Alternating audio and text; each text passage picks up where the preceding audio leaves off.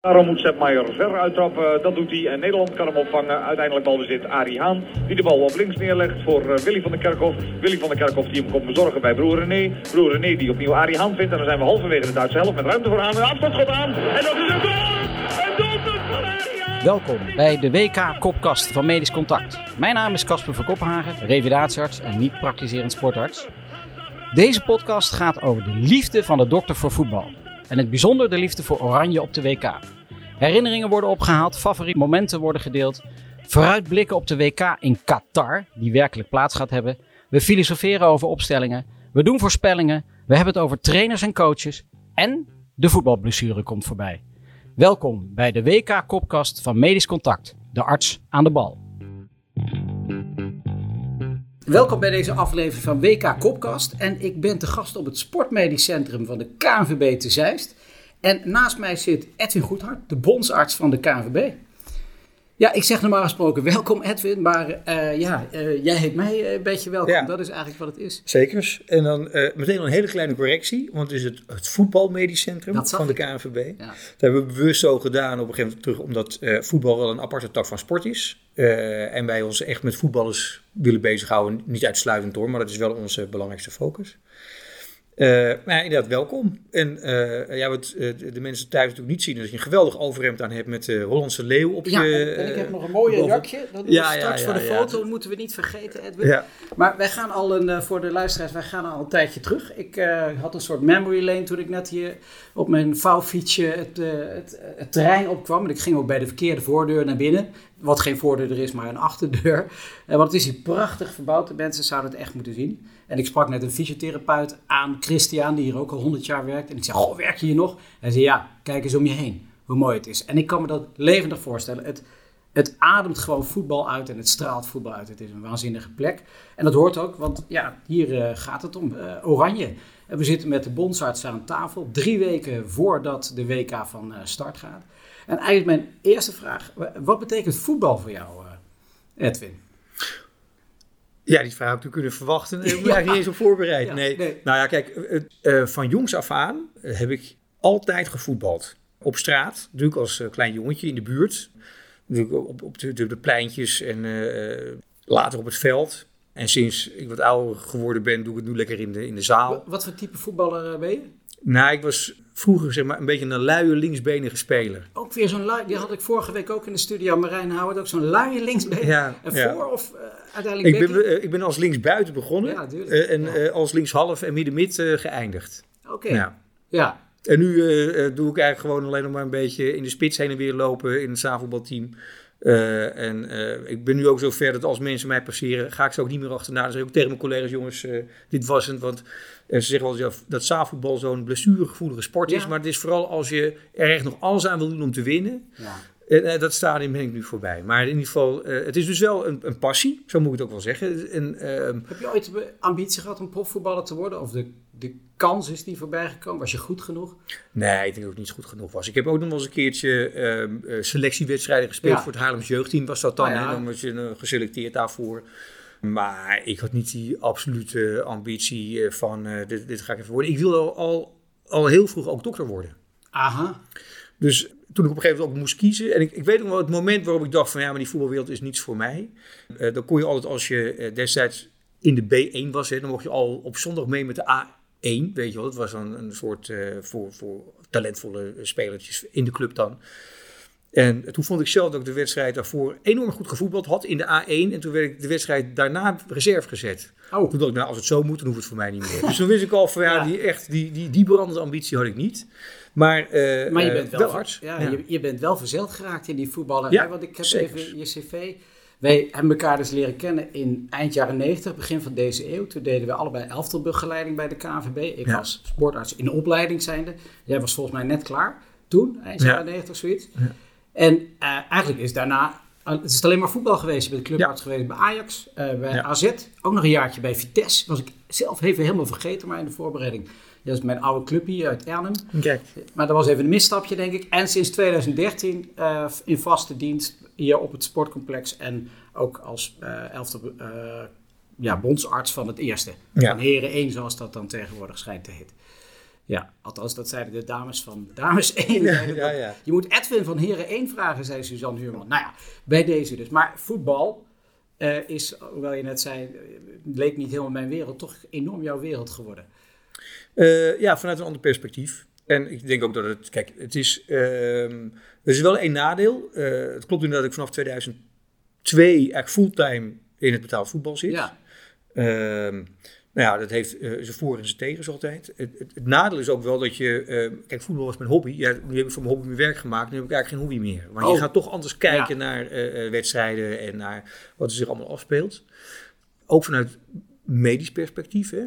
We lijden in onze westerse samenleving toch aan een grote mate van bewegingsarmoede. Mm -hmm. Met heel veel consequenties. Die heb ik ook wel al voorbij zien komen, vind ik met uh, minder motorische vaardigheid, uh, meer blessures in het voetbal. Maar ga je ook voorspellen, meer vallen bij ouderen, meer verkeersongevallen. Alles wat je eruit kunt halen, zeg maar, uit minder bewegen, betekent ook minder alert zijn, minder stabiliteit, minder balans. Dus de sport in algemene zin is, is belangrijk. Je moet vooral de sport doen die je leuk vindt.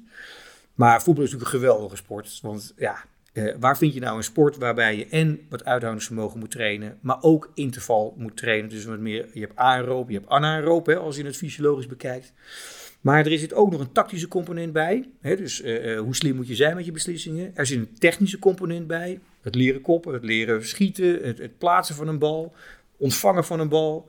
En waar vind je een sport die door alle sociale lagen van de maatschappij heen gaat? Ja, nergens. Nee, dus, dus ja, het is een geweldige sport. Ja, ja dat dus, is het ook. Ja, ja dus wat gaat toch weer beginnen. Ja, ja, ja. nee, dus vanuit dat perspectief is het ook wel, uh, vind ik het heel fijn om een bijdrage te leveren. Want ik, ik doe inderdaad wel het, het, het. Maar daarnaast hebben we ook gewoon de praktijk voor de reguliere sporter uh, met zijn blessure. Die we ook gewoon op uh, weg proberen te helpen. En die verdient voor ons net zoveel aandacht. Ja, want de mensen denken altijd bij de KNVB dat is alleen voor topvoetballers. Maar ik Nee. nee, toch? Van uh, hoog tot laag, van jong tot oud. Iedereen die uh, een blessure heeft, is hier van harte welkom. Ja, nou dat is nog even geen reclameplaatje, maar wel gewoon de, de waarheid. Ja. Um, we, het is de WK Kopkast, dus het, het centrale punt is de WK. En ik ja. vroeg me af zo, wat is jouw allereerste WK-herinnering die je hebt? Ja, dat gaat toch wel terug naar 1974. Ik ben van 63, hè, dus het was, ja. uh, dat was mijn eerste was je 11? WK, ja. weet ja. je wel, waar je dat ook bewust uh, in mee zat en waar je ook met z'n allen uh, televisie zat te kijken. Ja, en dat begon natuurlijk toch met die wedstrijd tegen Uruguay destijds. Waarbij het totaalvoetbal voor het eerst zeg maar, getoond werd aan de wereld en iedereen onder de indruk was. Met twee doelpunten van, van Johnny Rep. Ja, en is, is Johnny Rep, is dat nog ook bijzonder dan voor jou? Heb je daar een speciale band mee? Of?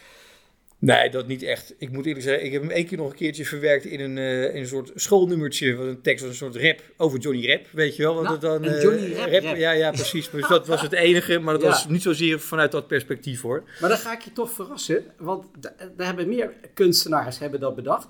En ik sta op een filmpje van de NOS ja. met de twee doelpunten van Johnny Rep tegen Uruguay. Ja. Johnny Rep, goudhaantje ook, was een bijnaam genoemd. Ik was super fan eigenlijk van hem, maar dat kwam ook ja, is even de anekdote linksom. Dat ik hem bij een toevallige ontmoeting op, uh, toen we op de camping in Frankrijk stonden, was ik aan het voetballen met een Frans jongetje.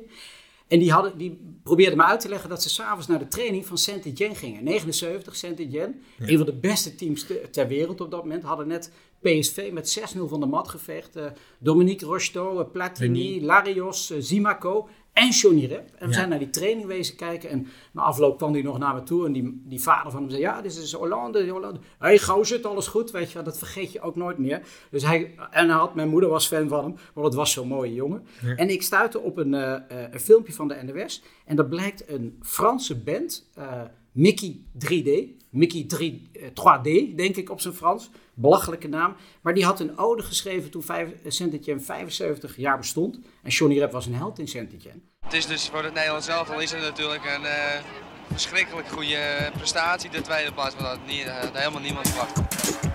Ce soir c'est le tout premier match de la saison. Et Johnny Rep a les cheveux blonds. niet buitenspel. Rep moet scoren, ja! Eindelijk! Johnny Rep! Et Johnny Rep Weer benadering komt in. Johnny Rep is er ook al met het hoofd en het voor. Un ange qui passe dans les vestiaires.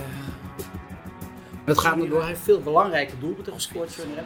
Ook nog de 1-0 tegen Juventus volgens mij was dat? Zeker. Zeven WK-doelpunten. Ja. Topscorer alle tijden.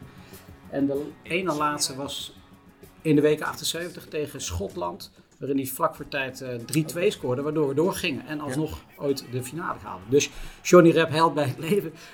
Um, is dat meteen ook je meest memorabele WK-moment? Of heb je dan, put je dan uit eigen herinnering? Zeg Jawel, ik denk, ik denk dat... Um, uh, ja, ik heb zelf uh, uh, nog maar hè, één WK mee kunnen maken als, als arts. Dat was in Brazilië, 2014. Ja, toen was je er een jaar bij, denk ik? Of? Twee, jaar. Twee jaar. Dus we hebben de hele aanloop gedaan, de hele kwalificatiereeks. Um, en wat ik daar zeg maar wel het meest bijzonder vond. Natuurlijk ook uh, het bereiken van wat wij noemen de Final Four. Hè? Dus dat betekent de halve finales. Dat betekent dat iedereen gaat naar huis. behalve de vier die nog overblijven. Want dan mag je altijd nog zeg maar die ja. wedstrijd voor de derde en vierde plek. Dus dat is, geeft een heel apart gevoel. Maar ik denk wat mij toch wel het meest bijgebleven is, is de 1-1 um, in de eerste wedstrijd van Van Persie. En dan met name, zeg maar, omdat het vlak voor rust was. De enorme energie die toen heerste in die kleedkamer. Dat je voelde van al die spelers dachten, en nu gaan we eroverheen. Deze wedstrijd gaan we winnen.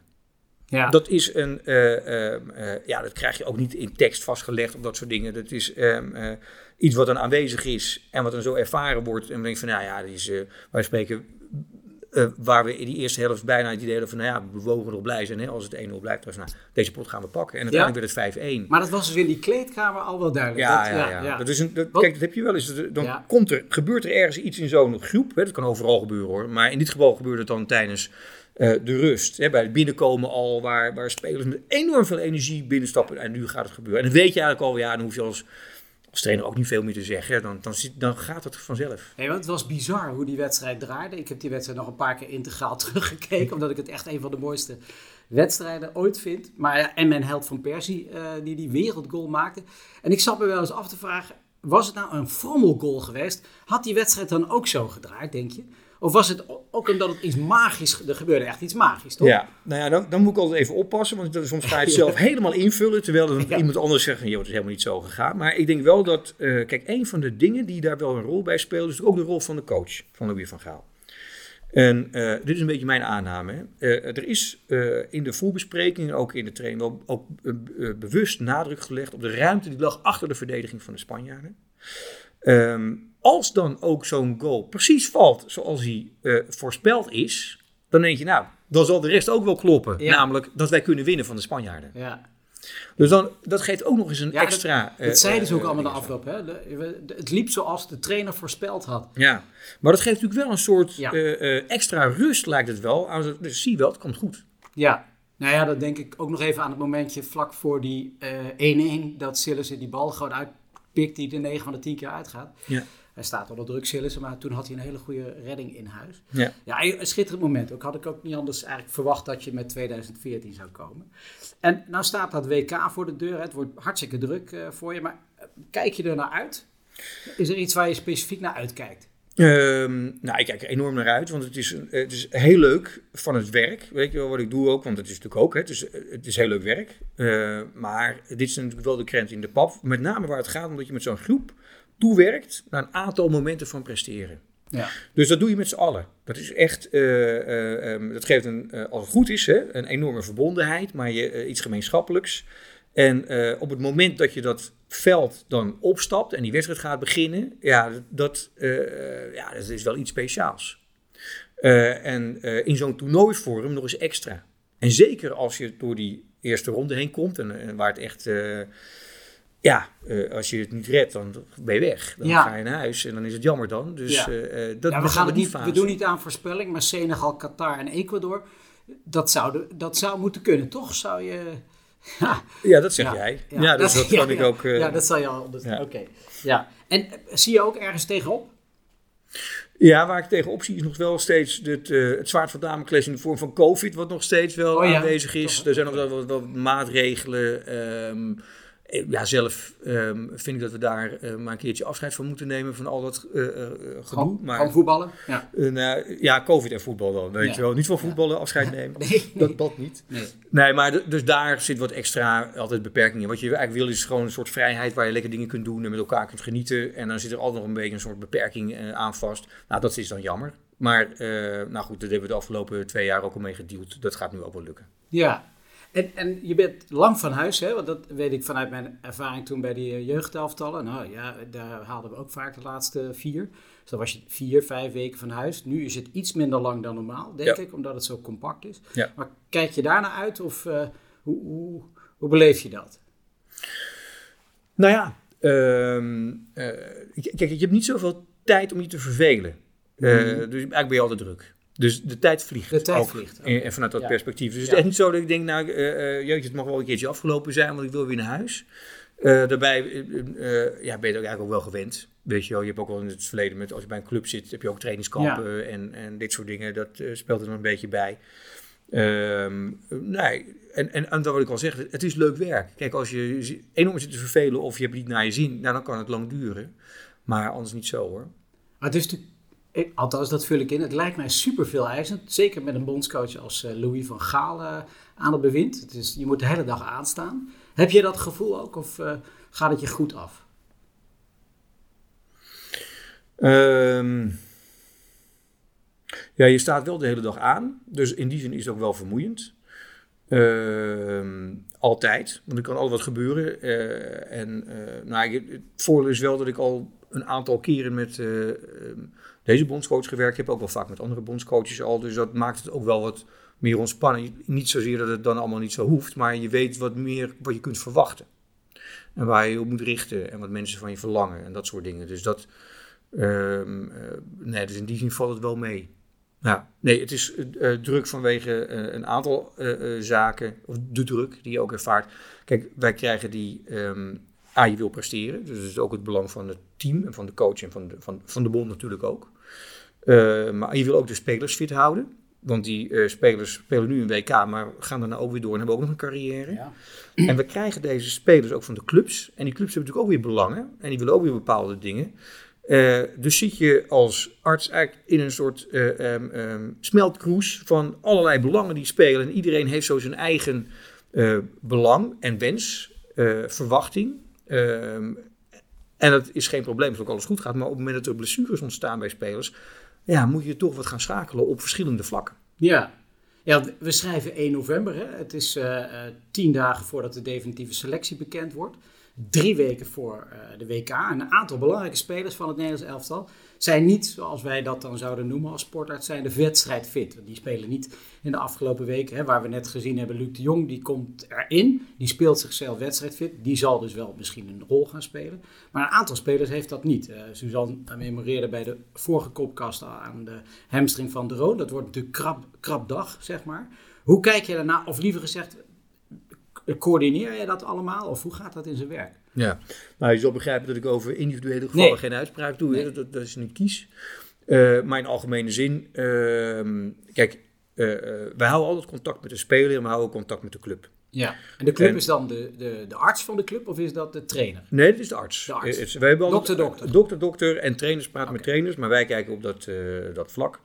Uh, en dan probeer je een inschatting te maken. En dan kijk je inderdaad wat is de aard van het letsel. Uh, en dat is natuurlijk ook probleem in de hedendaagse uh, mediawereld.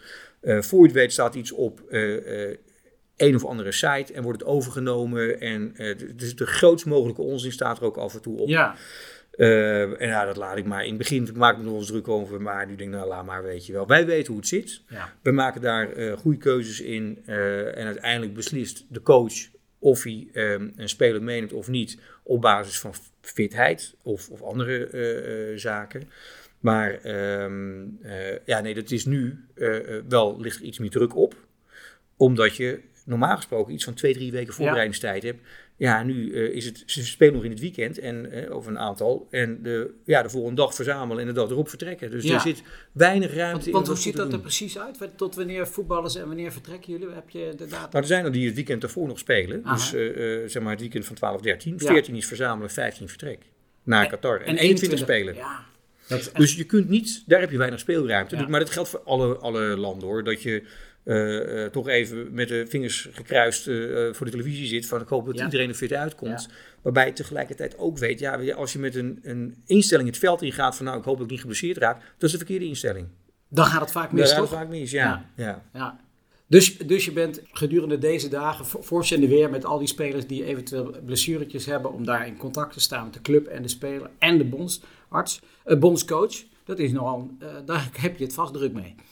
Uh, valt best mee hoor. Oh. Zoveel, nee, maar zoveel twijfels ja. zijn er ook nog niet. En, uh, en, en wat er is, vind ik ook wel gaat de goede kant op. Dus nee ja. hoor, wat, maar het, het, zou wel zo kunnen zijn. Ja. Dus het is ook wel um, op het moment dat het verzamelen wordt, kan het zomaar zijn dat je een aantal geblesseerden uit zo'n weekend hebt. Ja, dan wordt het schakelen met elkaar. Ja.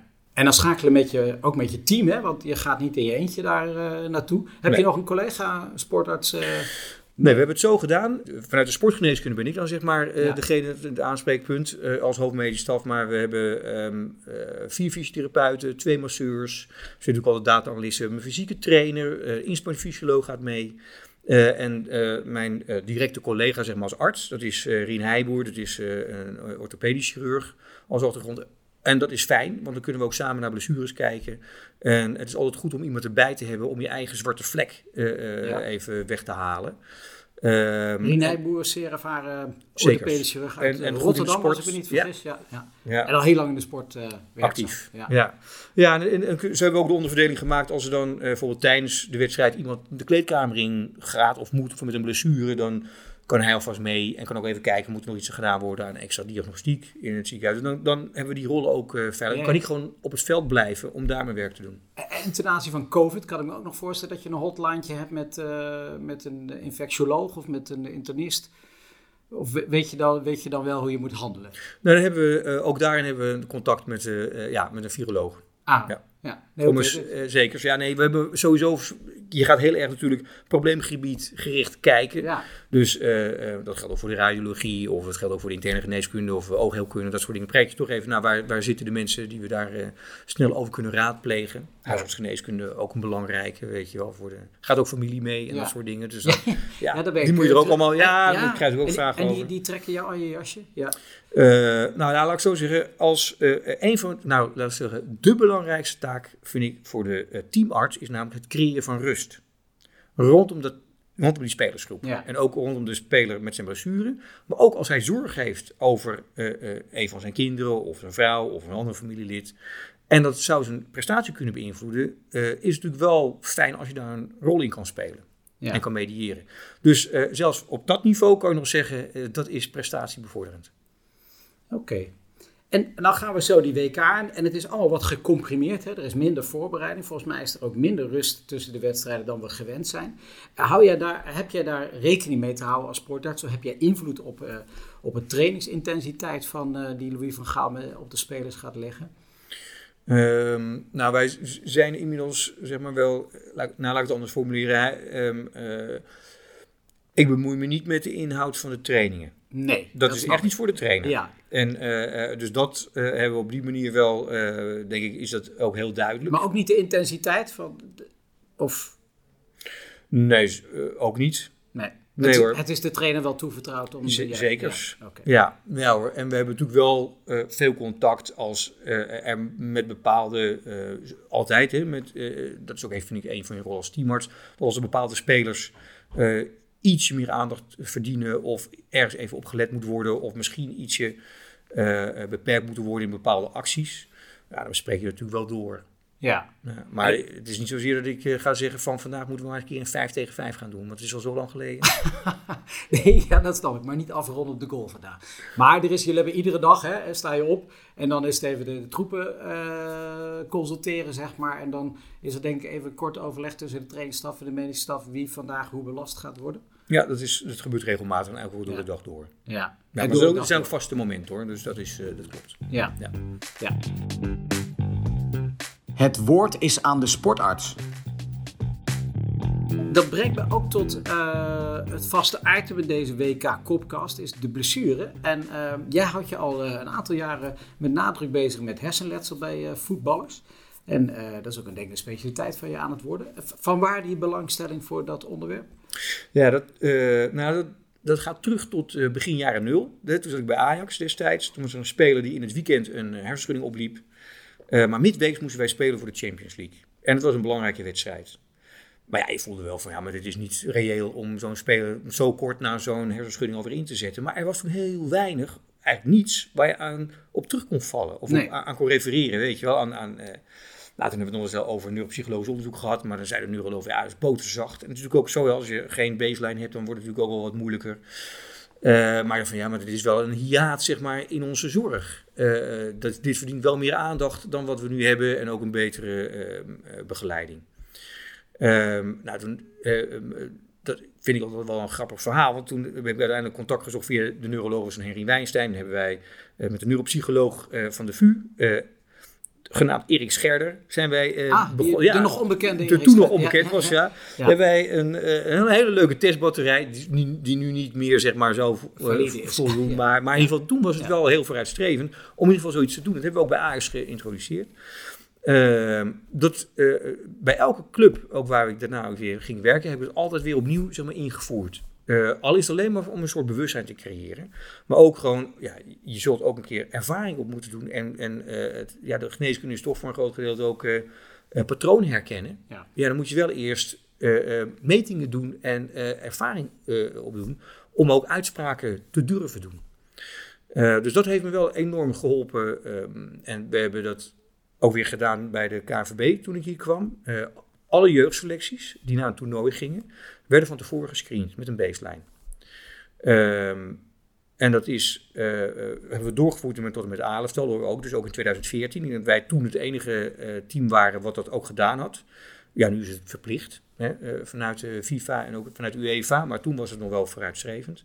Maar wel met de gedachte van zorg voor die spelers. Dat als je een hersenschudding oploopt, natuurlijk zijn die spelers eager om door te gaan. Ja. En, um, nou ja, van hoog tot laag, denk ik. Hè? Dus van amateurniveau tot topsportniveau. Twee keer schudden met je hoofd en doorgaan. Ja, ja.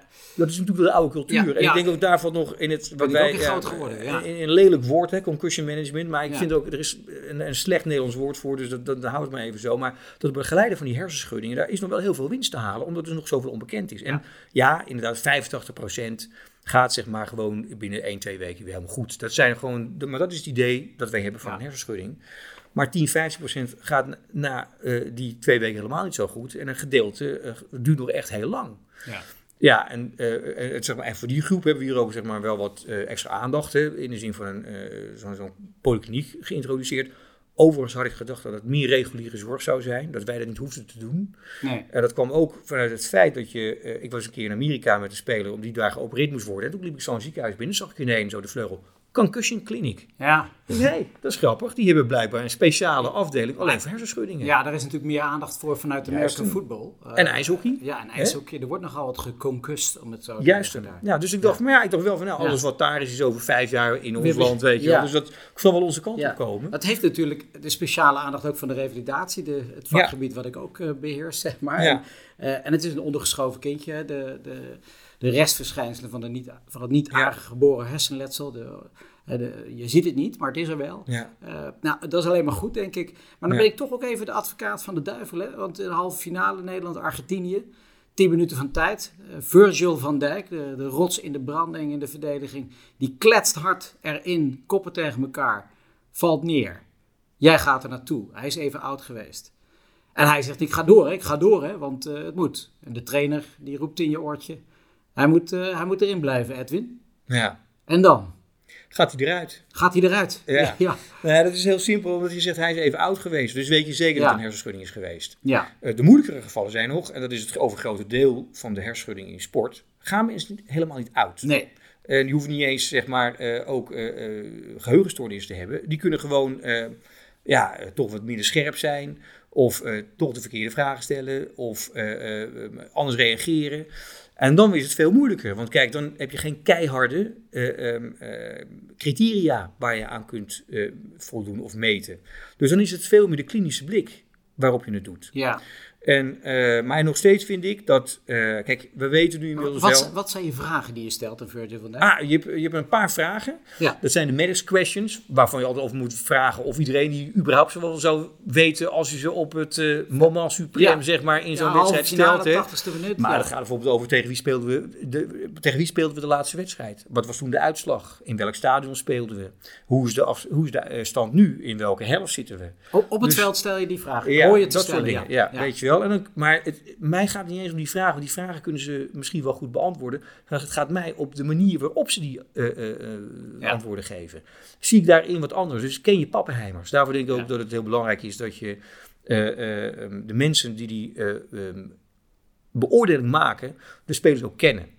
Tenzij het duidelijk is. Snap je, als iemand oud is geweest of hij heeft toonsklonische consult en dat soort dingen. Ja, dan is dan maar, maar dat zijn niet de meest ingewikkelde. de ingewikkelde zijn inderdaad van koppen tegen elkaar en iemand zit een beetje te schudden met zijn hoofd.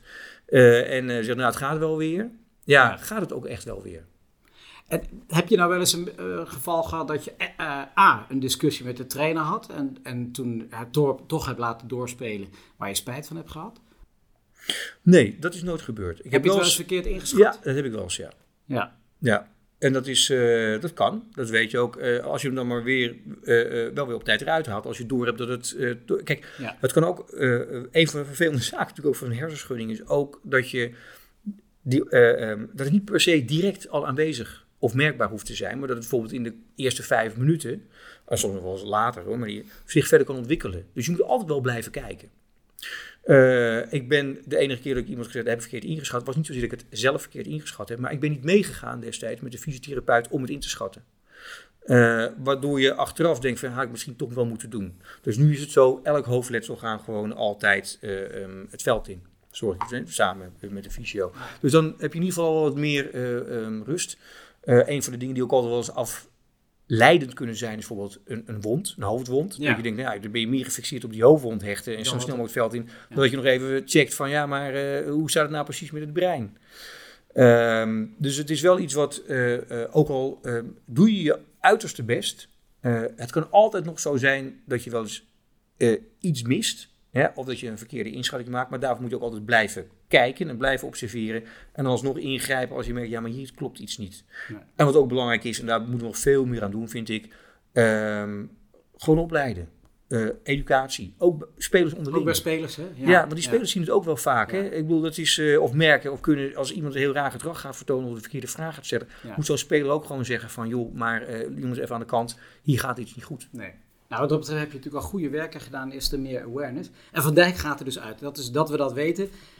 Als hij kletst met de kop uh, in de halve finale, dan is het helder. Uh, goed hart heeft het voor het zeggen. En dat is wel geruststellend voor ons om te horen. Ja, en, en dan moet het tekenen zijn van hersenschudding. En dan moet, ja, ja, ja. Nee, wel om de juiste reden. Juist. De tactiek bemoeien we ons niet mee. Nee, zeker. Nee, nee en dan, um, ja, een vraag die je misschien niet wil of kan beantwoorden. Maar er is veel te doen uh, om dit toernooi in Qatar.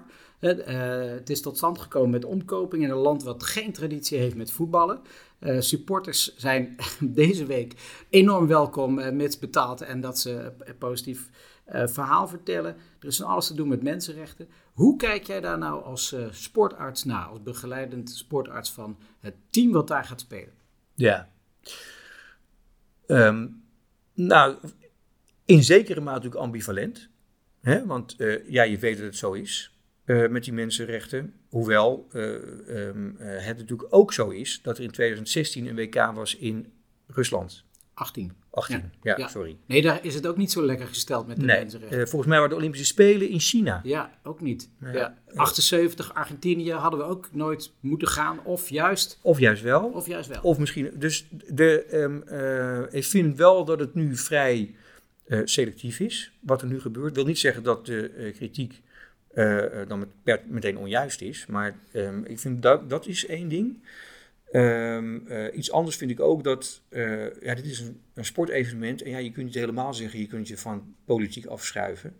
Maar um, we zitten er als, denk ik, als Nederland of als Westen ook enorm in, in die hele ja. economie en in, die hele, in het hele land. volgens mij hebben we daar ook nog wel wat gas uit, uit die contraien inmiddels. Uh, ja, als je dan principieel wilt zeggen, dan hoeven we dat ook niet. Nee. Maar ja, dus waar leg je de grens? En waarvoor vind ik dan dat, dat, dat voetbal dan ineens zo'n soort uitzondering moet zijn, uh, terwijl er ook heel veel andere zaken gebeuren. Dus uh, ja, ik vind het lastig, maar dan nog, ja. is het niet makkelijker om het om te draaien? Althans, zo doe ik dat nu, want ik maak ook deze WK-kopkast en ik zit straks juichend voor de tv en ik ga ook niet boycotten. Uh, hoewel als Frenkie de Jong raakt, moet hij misschien alsnog besluiten om te boycotten. Want, maar goed, dit terzijde. Uh, is dat er nu juist extra aan. Het lijkt wel alsof het, ze liggen onder een vergrootglas, Qatar. En alle misten, als je het niet wist, zeg maar, van Qatar, dan weet je het nu wel. Dus volgens mij kijken ze zich nog een keer in de spiegel dat ze zich zo hebben uh, hun nek uit hebben gestoken, dat toernooi daar te houden. Want er wordt echt naar ze gekeken. Dus het is misschien wel ten positieve dat we er gaan voetballen. Of is dat ook wat te makkelijk? Nee, vind ik niet te makkelijk. Dat, ben ik ook met je eens. Nee, eh, kijk, want er is zeker al wat gebeurd en veranderd. En dat hoor ik ook van de mensen die daar al wat langer zitten.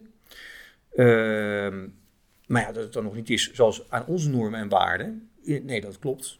Maar ja, dat, dat is in, in, in heel, veel, een hele, heel veel landen zo, ook in hele grote delen van de wereld. En als je dan altijd op deze manier zou kijken, dan, dan is mijn vraag, ja, waar kun je dan nog wel sporten? Ja, ja in Engeland. Ja, of zo. Ja. Nee, ja, ik denk een, een, een helder antwoord. Uh, het, het, maakt ons altijd even ongemakkelijk. Dat, en dat merk ik ook bij jou altijd. En dat uh, hoort ook zo te zijn. En voorts gaan we sporten en, uh, en gaan we voetballen en gaan we juichen voor het Nederlands elftal in de, ja, in de zandbak van Qatar. Ja. Maak je nog zorgen over de fysieke gesteldheid qua omstandigheden? Want, nee. Of is het echt wel goed op dit moment? Ja. Ja? Ja, nee, dat maakt me niet zo. Dus die, het is goed dat het niet in de zomer is en dat het naar deze tijd verplaatst is. Ja. Ongetwijfeld nog eens warm kunnen zijn. die stadions die zijn ook wel gekoeld. Oh ja, dat is, uh, dus dat is natuurlijk nog een waarde, dus daar maak ik me ook geen zorgen over. Dus uh, nee, dat, dat is uh, ook dat is wel goed geregeld. En de velden zijn goed, weet je dat eigenlijk? Nou ja, wat ik begrepen heb is dat ze er ook alles aan doen en dat het er ook wel redelijk uitziet. Dus okay. nee hoor. ik, ze hoeven het niet te verven, zoals in Zuid-Afrika. Nee. Waar was dat toen? nou ja, ja, of de arena met de eerste openingswedstrijd oh, destijds.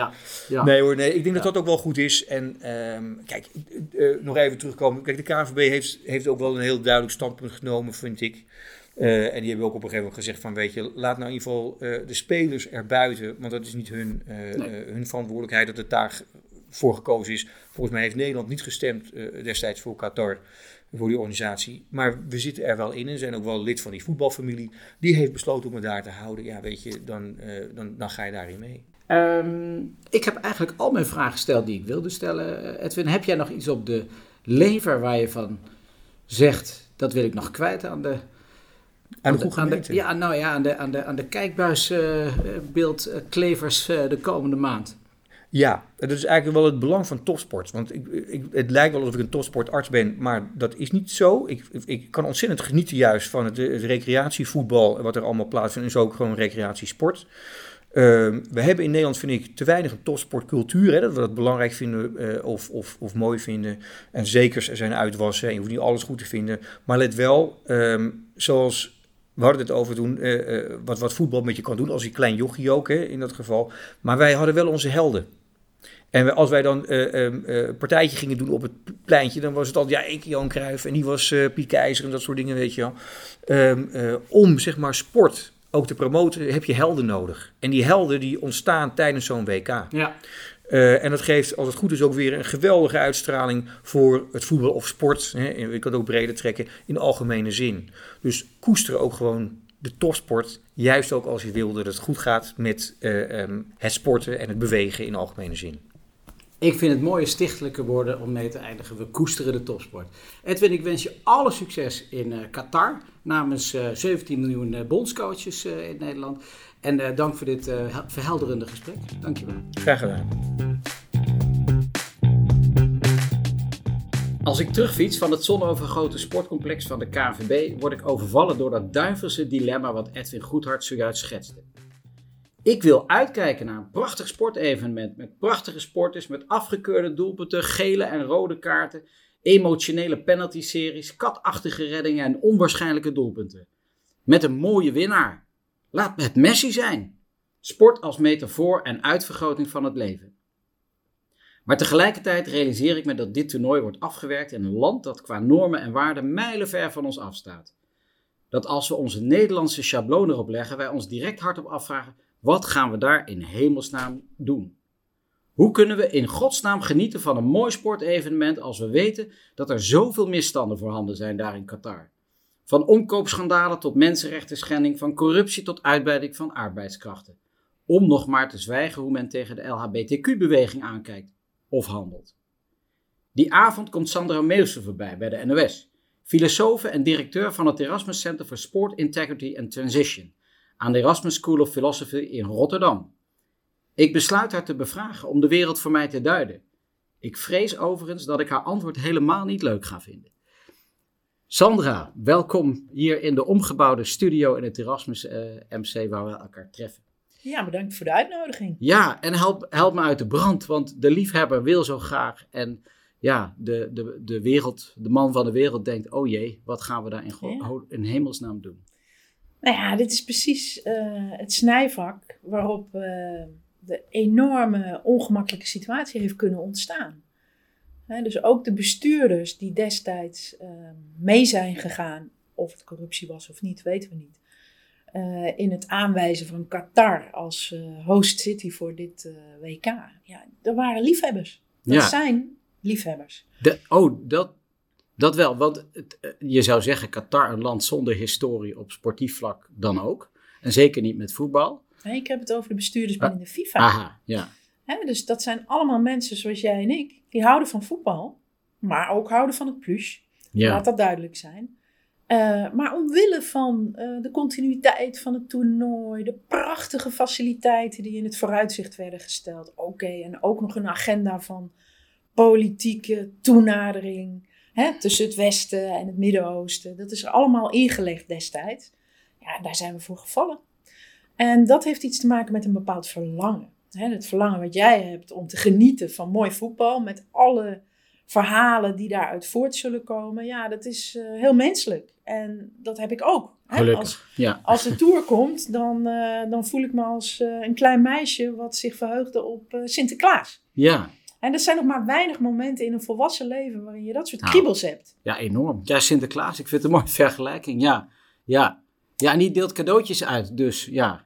Ja, en het is razend moeilijk om daarin dan inderdaad vanuit een meer uh, collectieve moraal je eigen persoonlijke verlangen ondergeschikt te maken. dus, dus al die supporters en al die journalisten die me de afgelopen tijd hebben gebeld, ja. die zoeken eigenlijk oh, er waren naar er meer die ja, je bent niet de enige. die zoeken eigenlijk naar een soort aflaat of uh, iemand die hun geweten sust van nee, je mag lekker kijken, want het, het leed is namelijk toch al geschied, dus wat maakt het uit? We moeten maar kijken. Ja. Ga ik niet doen. Oh, ga je niet doen. Oh, dat vrees, vreesde ik al dat ik het zelf uit moet zoeken. Helaas. Ik duw je nog even iets meer in het ongemak. Ja, want waarom, moet, waarom moeten we er eigenlijk niet van genieten? Nou, kijk, als wij uh, een volgend Qatar willen voorkomen, dan hebben we wel stappen te zetten in het, het weren van dit soort beslissingen. Ja. En dat begint ermee dat bestuurders wakker worden, dat er een andere bidprocedure ontstaat met andere criteria. Dat is een langdurig traject, maar al gaande dus dit is zo'n ongemakkelijke keuze geweest dat de afgelopen tien jaar achter de schermen al gewerkt is aan. Zouden we niet ook moeten willen kijken naar sociaal-economische omstandigheden? Zouden we niet ook moeten willen kijken naar de herkomst van financiële middelen? dus er is al een proces van, nou, wat ik zou willen noemen, morele hygiëne gaande. Dat gaat natuurlijk veel te langzaam. Ja. Uh, maar wij kunnen ook iets als publiek. En de spelers zouden ook een statement kunnen maken ik denk dat dit toernooi eigenlijk vraagt om een actie of statement in de trant van Colin Kaepernick, hè, mm -hmm. de Amerikaanse voetbalspeler, met zijn uh, take the knee ritueel. Ja. Hoe fantastisch zou het zijn als een voetballer zo'n soort statement bedenkt en durft uit te voeren tijdens dit toernooi. Eerste... Oké, je loopbaan gaat eraan, maar je verwerft eeuwige roem.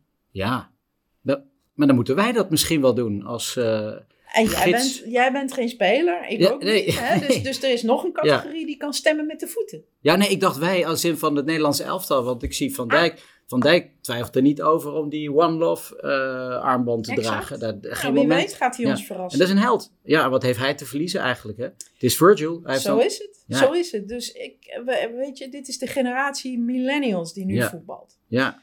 En eh, die staan anders in het leven. Die, die hebben maatschappelijk bewustzijn. Oké, ze zitten ergens in een ronkende uh, commerciële nou machine, ja, machine die het voetbal tegenwoordig is. En daar word je heel erg rijk van in korte tijd. Maar je ziet het al breken met spelers die zich uitspreken voor duurzaamheid.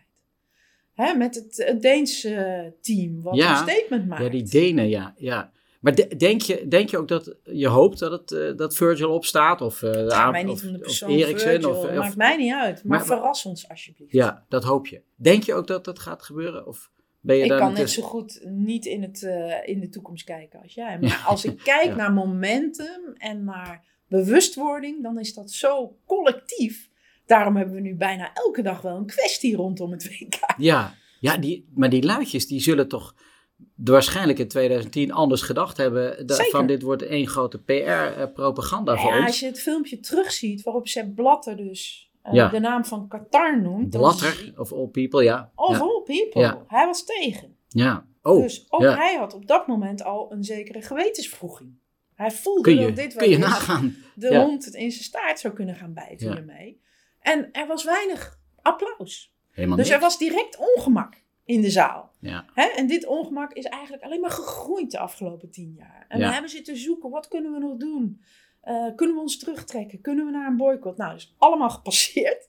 En we zitten nu voor de beslissing, gaan we kijken of niet? Nee. Ja, want dat, toen kwamen we over wij. Uh, mag ik wel kijken? Of ik mag, ik mag alles natuurlijk van je, dat ga je meteen zeggen. Maar hoe, hoe kan ik me hier nou toe verhouden? Want ik ga juichend voor die buis zitten. Voor wat ga je precies juichen dan? Ik ga als Frankie de bal krijgt en een, een steekbal geeft op, uh, op, op, op Memphis, die hem aflegt, op Malen, die hem binnentikt. Nou, ga ik juichen. Dat is een spel. Ja, het spel. Hè, maar dan zul je voorbij moeten gaan aan de omstandigheden, de context. Dus ergens zul je in jezelf tot een moreel besluit moeten komen. Ja. Oké, het genieten van het spel is voor mij zo belangrijk dat ik mijn andere principes, want dat benoemde je, hè? Ja. Nou, ik ben ook een wereldburger en uh, maatschappelijk uh, bewust, dat je die terzijde schuift. En wat maakt dan dat die balans voor het spel uitslaat?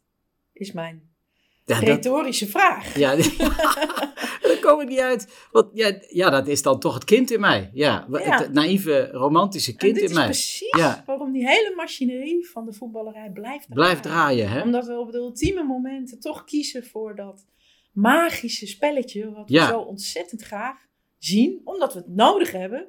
om in dit leven overeind te blijven. Verstrooiing. Wat, ja, Als dat wegvalt, wat is er dan nog, zou ik haast zeggen. Ja. Kijk, in het wielrennen, hè, met nou. de dopingpraktijken van, laten we zeggen, tien jaar terug. En, en er zijn er die zeggen dat het nog steeds plaatsvindt onder onze ogen. Waren we natuurlijk ook allemaal toe bereid om door, uh, door onze handen heen, door onze vingers heen te kijken en toch te genieten van Armstrong. Ja. Dus, dus dit is van alle tijden, niet alleen uh, nee. rondom het WK in Qatar. Nee. Nee, dan zeggen we meteen, ja, dit lijkt wel anders, want hier zijn mensenrechten bij, worden er geschonden. Ja, het is zeer. Ja. E, eh, expliciet en, ja. en, en ja, uh, heel prominent ook in de berichtgeving geweest. Dus je hebt voor jezelf wel echt een enorme drempel te nemen. Ja. En de mensen die dat heel makkelijk doen, daar spreekt bijna ook hetzelfde cynisme uit. Ja. Van ja, heb toch geen heb zin. ik hiermee te ja. maken? En uh, ik wil gewoon bier en ballen. Ja. Ja, en... En, en, en, die, en die jongens dan, want er heeft, niemand heeft zich dat denk ik afgevraagd. Ik heb uh, de, de bondsarts ook gesproken. Tuurlijk ga je, krap je even achter de oren, maar het is je werk ook. Je wordt uh, voor je land uitgezonden, dus jij bepaalt dat niet. Daar mogen ze zich toch achter verschuilen of is dat, vind nou, je dat tot ook op te zekere makkelijk? hoogte lijkt dat een heel aantrekkelijk excuus. Ja, toch? Hè? Maar daarmee reduceer je jezelf hè, als mens tot een uh, werknemer. En tot een, een pion in een globaal politiek voetbalspel. Ik zou zeggen, dit zijn ook mensen die een individueel geweten erop nahouden. En dus ook een, politiek, uh, een politieke agenda of een politieke statement kunnen maken. Alleen dat is een afweging die ieder mens voor zichzelf moet maken. Ja. Wil ik dit risico nemen? En het vraagt heel veel moed. Ja. Hè, en heeft daarin ook een bepaald pad in zijn leven af moeten leggen. En waardoor hij uiteindelijk tot dit besluit kwam. En ik, daarmee is zijn sportloopbaan ja. overigens voorbij. Ja, dat wel. Ja, dat is dan wel weer. Maar zijn marketingwaarde is gestegen. ja. Dus je kunt ja. er ook heel uh, neoliberaal naar kijken. Van wacht even, dan verkoop ik mijn reputatie op een andere manier. Ja. Maak mezelf nu eeuwig uh, uh, beroemd. Ik verwerf eeuwige roem en ik ga op een andere manier verder. Ja, met een eigen stichting. En... Dat zou kunnen. Ja, dat, dat, daar kunnen ze wel weer dan een, een richting aan geven. Zeker deze miljonairs. Maar ik heb nog niemand zien doen. Het zou mooi zijn als Ronaldo, uh, maar waarschijnlijk... Ronaldo heeft een keer een flesje Coca-Cola Ja, ja, ja, dat, was, Die, dat, dat, was een... Uh, dat was heel wat, ja. Iconisch moment. Ja, iconisch moment. En je zou het hem, je zou het hem gunnen dat hij dat, uh, dat, hij dat nog een keertje ja, zou doen. Weet. Waarschijnlijk pas nadat hij iets aan zijn linkerknie heeft gevoeld. Dus ja. in, ik zei ook al, als Frenkie de Jong geblesseerd raakt, dan gaan we boycotten. Want ja. we hebben niks te zoeken. Maar nog heel even die, wat je had er tussendoor, dat cynisme natuurlijk. Het eerste waar, wat ik dacht, ja, maar we zijn ook naar Rusland geweest en we zijn ook naar China geweest. En in Zuid-Afrika is het ook niet alleen maar halleluja. En wat te denken van de weken 78 in Argentinië, waar we nooit hadden moeten zijn. Ehm, dat is ook weer iets voor de bühne, denk ik, hè? om mezelf vrij te pleiten om toch te gaan kijken. Ja, dat is hetzelfde als, joh, uh, iedereen kijkt naar porno, om even een hele oh. flauwe... ja, oké, dus waarom zou ik dat niet kunnen doen? Ja. Dus dit, dit is de manier waarop we onszelf vrijpleiten. Ja. Een vrouw zal dat trouwens niet zo snel zeggen, maar ach, iedereen rookt en drinkt, dus wat maakt het uit als ik? Ja. Dat is natuurlijk een drogredenering. Ja. en wat ik wil belichten is dat de sport gekenmerkt wordt door een geschiedenis van ongemakkelijke toernooien. Ja. En dit, dit, lijkt ook bijna te horen bij de sport. Ja. En tegelijkertijd weet je ook dat het motto is: sport en politiek zouden gescheiden moeten zijn. Ja. En tegelijkertijd zijn al die toernooien het bewijs ervan. begon met Berlijn 1936. Nou, Jesse Owens. Ja, Jesse Owens. Ja. Dat het altijd verbonden is. Ja. Hè, en, het, het, moet ook eh, schuren, misschien wel. Om, ja, ik ben Hegeliaans, zoals dat heet. Hè, dus ik geloof in ontwikkeling en uh, bewustwording die stijgt. Dus je ziet een toenemende uh, ongemakkelijke situatie rondom dit soort sporttoernooien. Bijvoorbeeld het feit dat grote sponsoren nu afhaken. Ja. Dat was ondenkbaar. ja, ja Coca-Cola. En, en dat was rond ja. Argentinië niet aan de hand. Nee. En Mexico 1968 niet aan de hand. Nee. En Moskou 1980 niet aan de hand. Dus je ziet uh, dat er wel degelijk, vind ik, een niveau van bewustwording rondom de sport stijgt. En als het niet van binnen komt, dan zal de druk wel van buiten toenemen. Nou, dat kunnen sponsoren en private partijen zijn. Dat kunnen ook supporters, fans en kijkers zijn. Want op het moment dat er niet gekeken wordt, ja. dan uh, tikt uh, de inkomsten aan de kant van nou ja, broadcasting en, en kijkcijfers niet door. En stort het verdienmodel in. in. Dus niet kijken en, en luisteren. ja, ik probeer toch die escape Ik schets een optie en ik zeg daarmee niet normatief dat jij dat moet doen. maar ik wil oh. eigenlijk weg van het cynisme dat het niet zou helpen. Want het helpt wel degelijk. Alleen, het zou natuurlijk fantastisch zijn als we en masse niet zouden kijken. Als, en, waar we naartoe bewegen is dat er allerlei van dit soort gesprekken gaan plaatsvinden. Nu tussen jou en mij. Ja. Maar ook tussen vrienden in de kroeg. Ja, het gebeurt. Ja. Um, tussen spelers onderling. Ja. Weet je? En dat is ook de fase waar we in zitten. We zitten met elkaar in een turbulente tijd. Waarin allerlei transities spelen. Ja. Ook die van de sport. Maar dan ben ik, om het af te sluiten, want we kunnen hier uren over praten. Misschien moet ik je nog een keer terug uh, vragen. En nadat dit toernooi is gespeeld, ja, leuk. Uh, dat ik toch wel hoop, proef ook in jouw woorden, dat het, het wordt beter. Zeker. er is aandacht voor, er is awareness. En juist misschien dit toernooi kan het nog eens extra op de kaart zetten. Zeker. Het gaat ook niet zonder slag of stoot. Dit ongemak zal toenemen. En ik voorspel je dat er nog talloze incidenten gaan zijn nou, de komende weken. Ja. Waardoor we iedere keer weer met elkaar in dit gesprek raken. Ja. En ook mijn bewustzijn is toegenomen. In de zomer had ik nog een podcast met het NSC waarin ik zei: Ja, ach ja, weet je, het is nu helemaal zo. Ja. En naarmate er meer berichtgeving komt, hè, en de laatste was eigenlijk die van uh, nou ja, dat ruw uh, oppakken van uh, LHBTQ, ja. Ja. Nou ja, representanten, mensen, vrienden, familie van ons. Hè? Ja. ja, dat, de emmer loopt over. De emmer loopt over. Um, Sandra, mag ik je danken voor deze wijze les? Uh, ik moet nog even gaan reflecteren wat ik hiermee doe. Niet kijken, wel kijken, alleen luisteren of de krant lezen. Uh, volgen ga ik het sowieso. en, en wie weet kom ik er nog een keertje uitgebreid met je op. Graag gedaan. Dankjewel.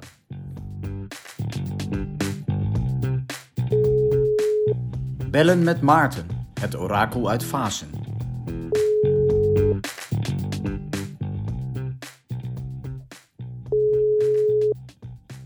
Met Maarten Snellen. Maarten, met Casper. Hey, kop. Kop. Ja, ja, ja, ik heb je even nodig, want ik, uh, ik zit wat in, uh, in een dilemma, in mineur. Ik heb net gesproken met een, uh, een sportethicus over waarom we eigenlijk helemaal niet naar Qatar moeten gaan en zo. En nou ja, daar kunnen we een avondvullend programma over hebben en iedereen heeft gelijk en toch gaan we kijken. Dus ik heb even wat goede spirit nodig. En jij moet nog doorkomen met jouw wereldelftal aller tijden. Dus ik zou zeggen, brand los. Ah, wat leuk, wat leuk. Nou, dan zal, zal ik gelijk beginnen? Want ja hoor, ik, heb ja. ik zou van de Sar goal zetten. Zwaar op goal. Goal, ja. En dan een verdediging. Ik zou 4-3-3 spelen met een verdediging rechts Cafu. Uh, bijna een Pendolino, die, die de hele rechterkant jarenlang van Brazilië kon bedienen. En dan centraal achterin Frank Rijkaard. Nog even over die Cafu, hè? record international van Brazilië, wereldkampioen. Ja, en, en wat al niet meer gewonnen deze man. Schitterende voetballer. Ja, eens. Mooie, mooie keuze. Ja. Topper. En dan achterin zou ik spelen met uh, Frank Rijkaard. Echt ah. een Frank Rijkaard centraal achterin in de mandekking. Uh, een, als je een goed voetballende speler zet op een plek waar de tegenstander het niet verwacht, nou dan, dan, dan, dan, dan gaan er hele mooie dingen gebeuren. Dat hebben we natuurlijk ook eerder gezien. Ja, ehm, dat is, dat is vaker gebeurd hè, in de historie ook van Nederland. Hè. Uh, Arie Haan en uh, Wim Rijsberg, die vanuit het middenveld in 78 in de verdediging werden, werden gezet. Nee, zeker, een goede keuze. Ja, Rijkert in de mandek, ik hoor het je nog zeggen in 88. Nou ja, we, weet, we weten waar dat is mee geëindigd. Ja. Dat was een mooi toernooi. Ja. ja. En de, naast hem Marcel Desailly. Ah. The Rock. Dat is echt een. Eh, je moet iemand achterin hebben waarvan de tegenstander denkt: als ik daarbij in de buurt ben, dan gaat het helemaal mis. Dus daar moet ik wegblijven. Die, dus, die, de, die die is van die karatentrap van Louis van Gaal uh, in de Champions League finale Milan-Ajax. Uh, Weet je wel, die karatentrap? Ja, ja, ja. Ja, ja daar was die Desailly. Ja, dan moet je. De, de, dat is echt. Uh, Iedereen wil bij, bij de buurt blijven. Ja, blokje om. Balletje afgeven is dat. Ja, ja. En, en dan op links heb ik uh, Roberto Carlos. Roberto Carlos. Ventielschot Roberto Carlos. Ja. Ik, uh, een, een, mooie, snelle uh, man die ook nog wel eens een goal kan maken. Ja, en geweldige, geweldige ja, ook. Ja, ja. ja. Okay. Het middenveld. Ik heb een vrij aanvallend ingesteld middenveld, maar dat past wel een beetje bij een wereldelftal. Dus uiteraard kan uh, Maradona daar niet ontbreken. En uh, verder Zinedine Zidane. Ik, ben, ik, ik, ik weet mm. nog dat ik in 2000, in 2000 uh, uh, op de tribune ging zitten. Volgens mij was het Frankrijk-Portugal in Brussel, de EK. En hij, hij speelde en de jongen van Manchester United, Cantona, was thuisgelaten. Iedereen was een beetje verbaasd. Ik zag hem en ik denk, nou, wat een geweldenaar. En dat is, dat is echt een, een wereldspeler. Ja. Ik, heb, uh, ik, ik vind uh, Zidane top. En daarna nog bij het middenveld Zico. De witte Pele. Zico. Dat is echt een, uh, in mijn ogen de beste Braziliaan die, die er geweest is. Ik heb wel voor mijn voetbalelftal, voor mijn wereldteam alleen maar gekozen voor mensen die, um, die, die ik zelf live heb zien spelen. Of in het stadion, of op tv. Dus Pele ah. en dat soort dingen heb ik niet voor gekozen. Nee, ja, ja, nog heel even terug. Dus heb je Zico, Maradona en uh, Zinedine Zidane. Is er ook nog iemand die een balletje afpakt? Of heb je, dat doet Desailly in zijn eentje, denk ik. Hè? Exact, exact. ik, ik, ik denk dat wij als wereldelftal uh, altijd in de aanval zijn. En uh, dat we jongens hebben nodig hebben die iets kunnen. Want de tegenstander zal altijd in de verdediging gaan. Zal altijd een handbalverdediging opstellen. Ja. Dus je moet mensen hebben die er in eentje wat van kunnen maken. Ja. En, voorin, we hebben nog drie te gaan. Ja, voorin. Ik, je, ja, uh, op rechts Messi, daar kun je niet omheen. Messi is echt. Uh, want ik heb het al eerder bij Marijn gehoord bij jou. Uh, dat, dat hij in het stadion zat en dat, hij, dat zijn vrouw maar vond dat hij aan het wandelen was. Ik heb ook hem in het stadion gezien en hij is ook aan het wandelen. Maar dat is onderdeel van zijn tactiek volgens mij en van zijn manier van spelen. En bij een, uh, ik zat bij Barcelona, Manchester City. Messi was aan het wandelen. Oh. Uiteindelijk was het 4-0 voor Barcelona, drie keer Messi. Dat was echt. oh, die heb jij gezien. Dat, was die wedstrijd waarin, hij met, waarin hij stuiterend met het balletje het veld afgaat. en dat hij die bal mag houden nadat hij een hattrick heeft gedaan. Daar heb ik met tranen voor de ogen gezeten. Ja, het was echt. En het hele stadion. Dat in Barcelona, het is echt jammer dat hij weg is gegaan Messi, in Barcelona. Messi, Messi. Nou, ja, in de spits. In de spits. In de spits heb ik Robert Lewandowski. Robert Lewandowski is, een, is verrassend, maar is wel een geweldenaar. Ik ben hem steeds meer gaan waarderen. En nu, ik zag hem laatst een weerloze kopbal maken. Ik, ik denk, nou, dat is echt, uh, dat zijn er maar weinigen. Hij kan alles, hè? links, rechts schieten, koppen, uh, balletje afhouden, de diepte in. Ja, exact. Het is een verrassing, eindelijk. Uh, ja. ja het, het, maar ik, ik, ik ben groot fan van hem. En op links heb ik dan Kylian Mbappé. Kylian Mbappé, ik uh, was ook een keer bij een wedstrijd van Paris Saint-Germain. Oh, en ja. Als je, je gaat wel naar het voetballen. Ja, dat vind ik leuk. Ik vind het echt leuk om samen met het gezin dit soort wedstrijden te bekijken. En uh, Kylian Mbappé, als die de bal heeft, dan weet je niet wat er gebeurt. Dat Messi heeft natuurlijk de dribbel, maar Kylian Mbappé heeft de kracht en de snelheid. Ik heb nog zitten twijfelen tussen Cristiano Ronaldo en Mbappé. Ja. Maar ik vind Mbappé echt een, op dit moment de beste speler van de wereld. Het is echt een. Uh, hij combineert snelheid met, met, uh, ja, met kracht en een ge geweldig scorend vermogen heeft hij ook. Dus ik ben uh, groot fan van Mbappé. Dus dit is hem. Ik vind wel een heel sterk elftal. en heb je, heb je nog, want je bent nogal van de, van de tactische truc, zeg maar. Heb je nog een truc voor in de pauze? Dat als het niet ja, loopt op het ja, middenveld ja. bijvoorbeeld? Nou, ik heb een geweldige truc. Oh. Al stel dat er toch wat gebeurt en dat je met Zidane, Maradona en Zico toch denkt dat zijn wat jongens die allemaal willen scoren en allemaal de beslissende paas willen geven.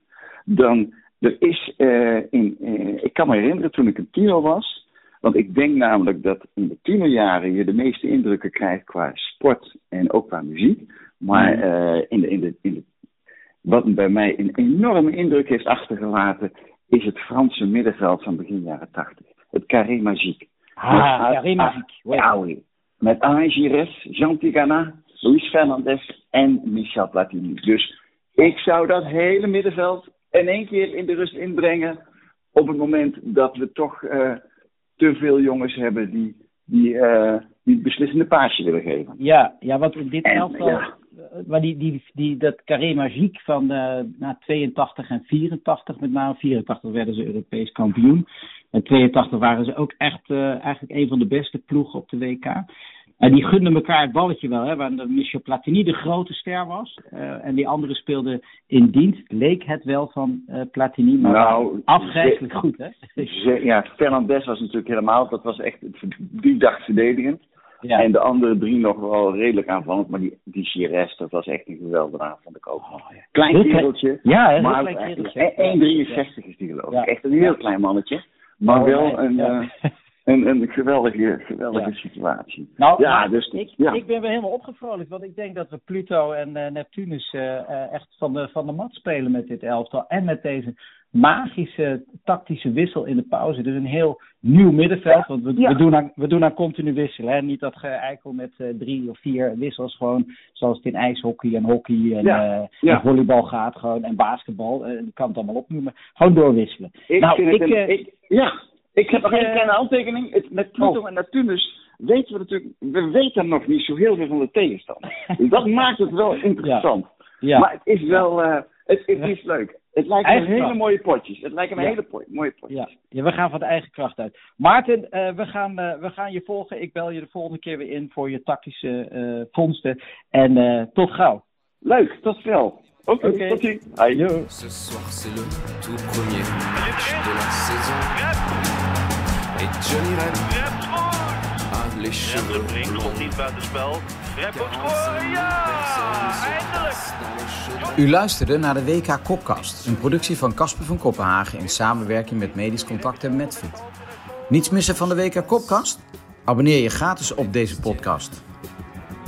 Johnny Rep enfile son maillot vert. Ce soir, la lune escorte les champions. Et Johnny Rep affûte ses crampons.